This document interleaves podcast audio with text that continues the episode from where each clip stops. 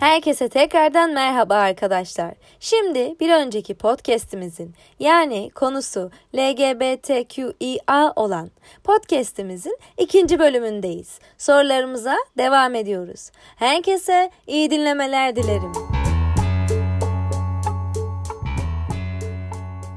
Evet, tarihimizde eşcinsellik var mı? Eşcinsellik Batı ülkelerinden mi yayıldı? Bu konuyla ilgili ne düşünüyorsun Yunus? Açıklayabilir misin? Tarihimizde eşcinsellik var evet. Yani eşcinsellik bize Batı tarafından e, dayatılmadı ya da Batı'dan almadık eşcinselliği. İlgilenen kişiler varsa eğer Osmanlı arşivlerini inceleyebilirler. Minyatürleri, e, o dönemin kayıtlarını e, pek çoğu da rastlayacaktır zaten. Ve Osmanlı içerisinde biz biliyoruz ki iç olanları denilen bir gay erkek e, zümresi var ve bu erkekler e, bugün seks işçisi pozisyonunda aşağı yukarı çalışıyor ve bu şekilde geçimlerini sağlıyorlar. Yani aslında bunun bir meslek de olduğunu Osmanlı döneminde ve devlet tarafından da kabul görülen bir meslek olduğunu biliyoruz. Pek çok tarihçi de bu konuda hemfikir. Keza eşcinsellik yani bir salgın hastalık gibi değerlendirildiği için işte yayıldı, batıdan yayıldı falan. Böyle bir şey de söz konusu değil. Eşcinsellik yayılmadı. Yani az önceki sorulardan bir tanesinde de aynı cümleyi kurdum. Yayılmadı ya da eşcinsellik artmadı. Eşcinseller sadece daha fazla görünür oldular. Batı'da e, LGBT bireylerin haklarını kanun çerçevesinde düzenlediği için yani onlara da tıpkı heteroseksüel bireyler gibi aynı hakları verdiği için Batı'da LGBT bireylerin daha özgür bir şekilde yaşadığını yani daha açık bir şekilde yaşadığını görüyoruz ve bu sebeple sanki bu bize e, dünyaya batı tarafından pazarlanan toplumun aile yapısını işte yok etmek için gibi çeşitli bahanelerle işte sanki bize dayatılan bir şeymiş gibi gösteriliyor. Hayır, e, kendi tarihimizde de var, kendi topraklarımızda da var. Hep vardı, bugün de var ve var olmaya da devam edecek yani. Tamam. Peki e, çok önemli bir konuya değinmek istiyoruz. HIV, AIDS eşcinsel hastalığı mıdır? Yani e, bunun, bu düşüncenin daha doğrusu bu e, algının bu şekilde oluşmasını neye bağlıyorsun? Bunu e, açıklayabilir misin? Aslında bu da çok e, fazla yanlış bilinen bir mit denebilir. E, HIV virüsü öncelikle bilmeyenler için tanımlayacak olursak cinsel yolla bulaşan bir hastalık ve kişinin bağışıklık sistemini e, ele geçirerek kişinin yavaş yavaş bağışıklık sistemini yok eden bir virüs. Bu daha sonrasında e, tespit edilemeyip tedavi edilmezse AIDS dediğimiz hastalığa dönüşüyor ve HIV virüsü artık eskisi kadar korkulacak bir durumda değil. Çünkü hı hı. bilimsel çalışmalar evet. ve hı hı. tıbbın artık ilerleme e, ilerlediğini varsayarsak HIV virüsü taşıyan bireyler tıpkı sağlıklı HIV virüsünü taşımayan bireyler gibi hayatlarında aynı kalitede devam edebiliyorlar. Burada önemli olan şey şudur. E, eğer sık partner değiştiriyorlarsa 6 ayda bir, değiştirmiyorlarsa ise yani genelde tek eşli bir hayat sürüyorlarsa yılda bir şekilde e, test olmaları gerekiyor. Devlet hastanelerinde ya da belli başlı kurumlar bunu ücretsiz olarak yapıyor bu testi. Yani test olmaları gerekiyor. HIV durdurulabilir. Kişi dediğim gibi normal, kaliteli, standart hayatından hiçbir şey kaybetmeden hayatını devam edebilir ve HIV ile yaşayabilir. Ama HIV e, ilk patlak verdi yani çok fazla yayılmaya başladı. Sene yaklaşık olarak zannediyorum e, 80'li yılların e, ortalarında.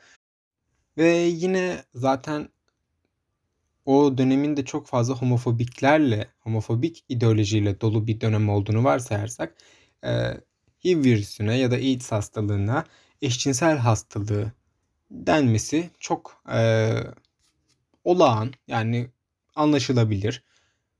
Ama bugün yine bilimsel çalışmalar ve istatistikler bize söylüyor ki HIV virüsü e, eşcinsellerde daha sık görülmüyor heteroseksüellerde ve eşcinseller arasında e, görülme oranında büyük bir fark yok.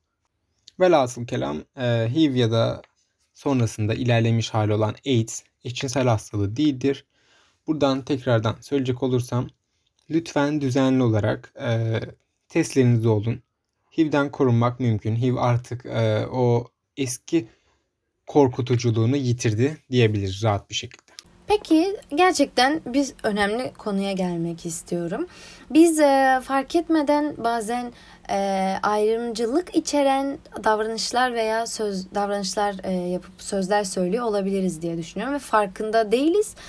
Fakat e, şu cümleye inanıyorum açıkçası. Değişim dilde başlar.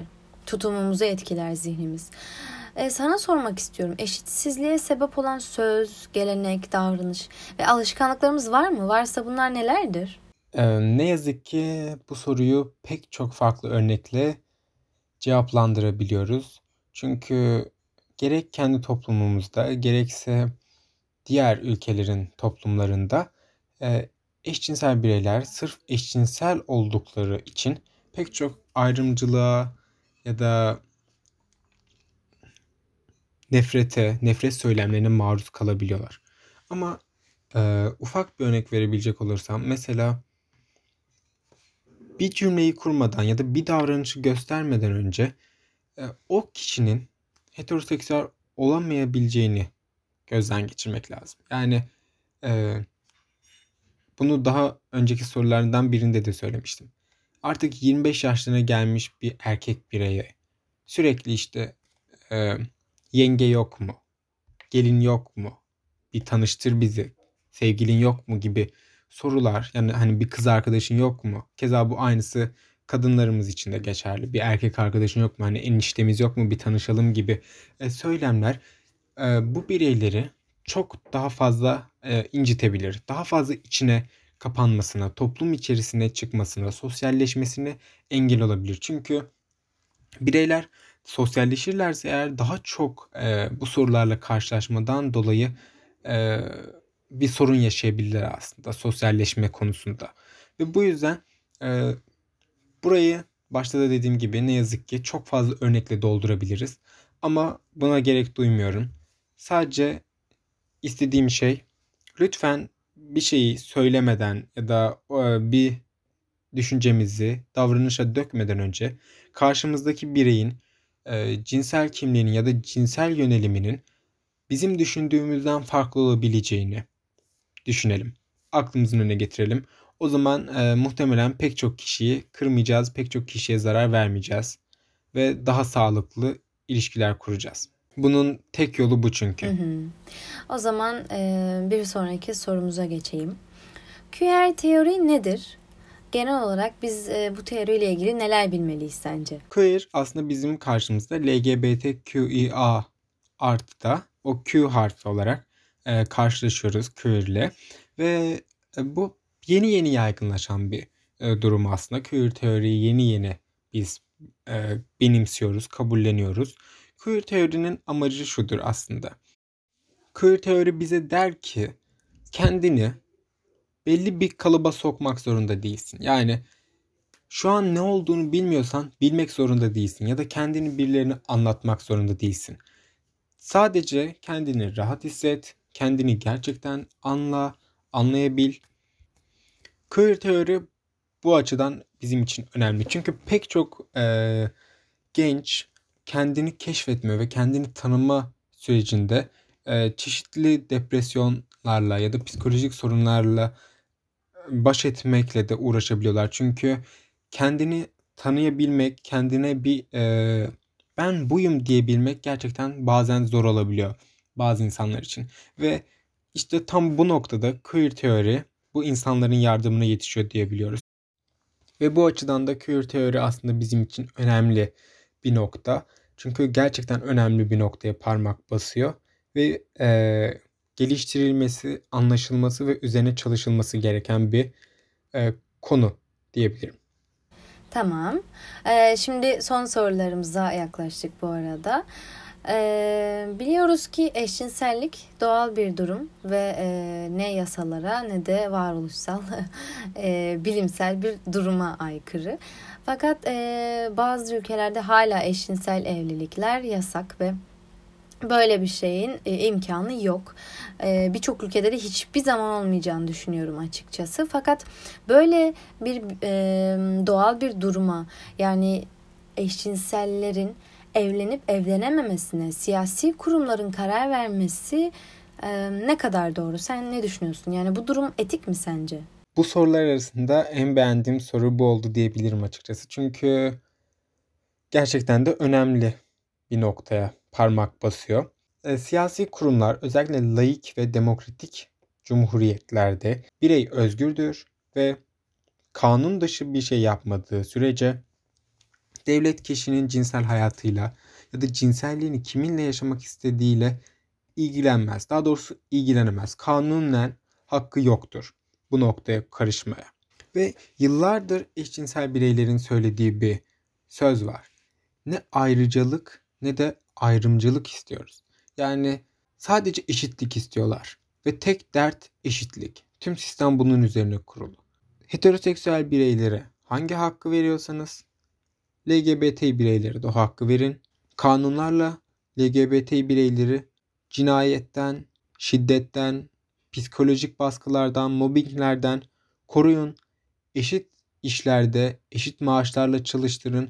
Onları yalnızlığa bırakmayın. Devlet eşcinsel bireyleri bu açıdan koruyup kollar, kollarsa eğer yani onları ötekileştirmektense onları da topluma kazandırırsa ve var olduğu gibi e, toplum içerisinde rahat bir şekilde yaşamalarını sağlarsa e, toplum da daha iyi bir yola girecektir. Çünkü e, öbür türlüsünde toplumda belli başlı çatlaklar oluşmaya başlayacak. Nefret teşvik edilecek. Çünkü devlet değer LGBT nefret söylemlerine e, başlarsa halk da e, bu cesareti kendine bulabilecektir. Fakat devlet eğer bunun önüne geçerse toplum içerisindeki yozlaşmayı da engellemiş oluruz.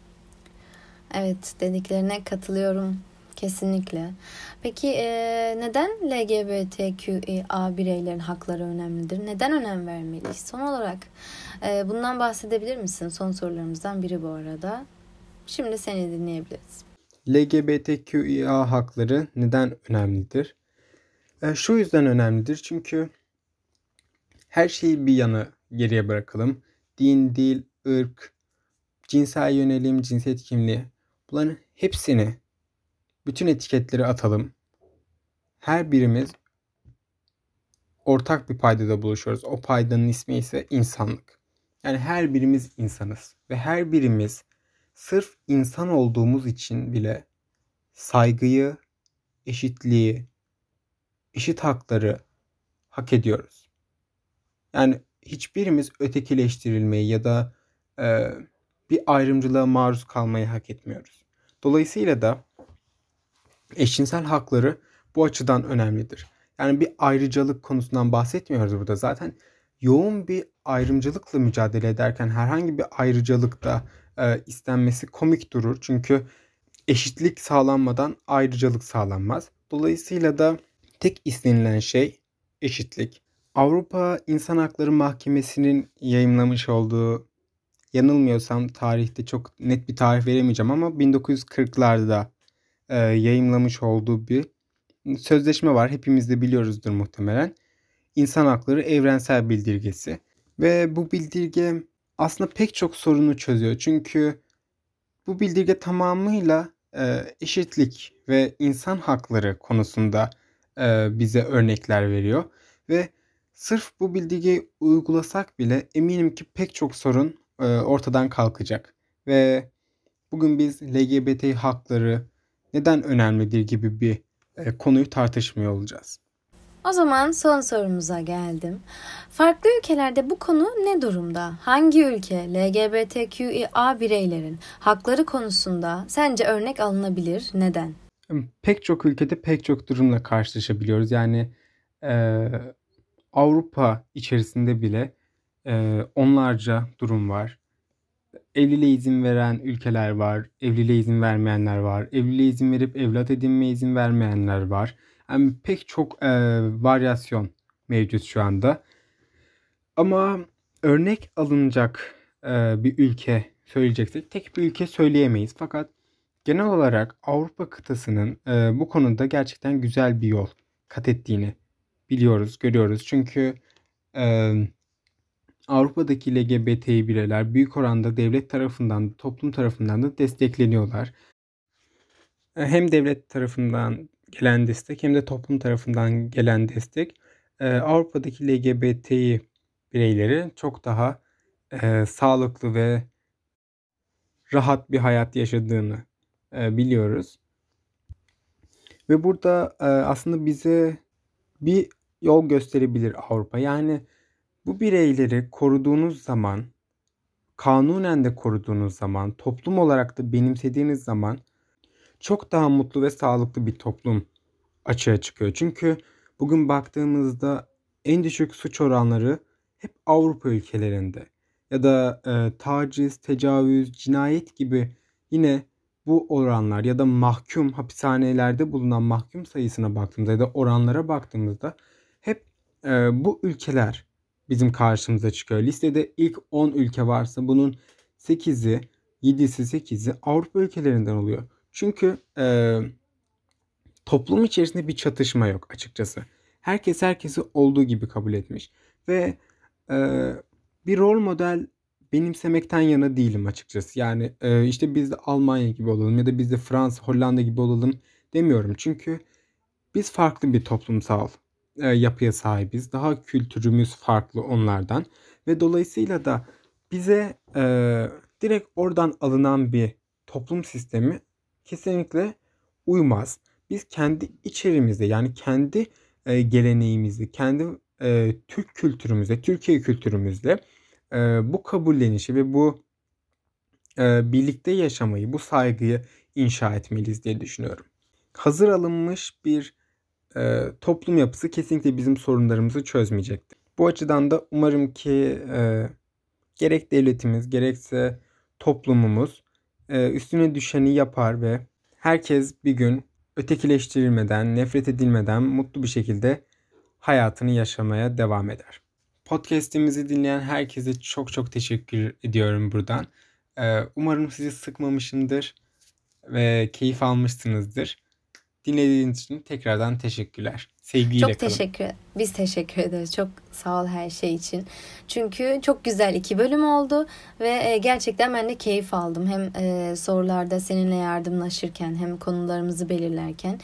E, ekibim adına çok teşekkür ederim. Podcast'imizin sonuna geldik. Kapatıyorum şimdi.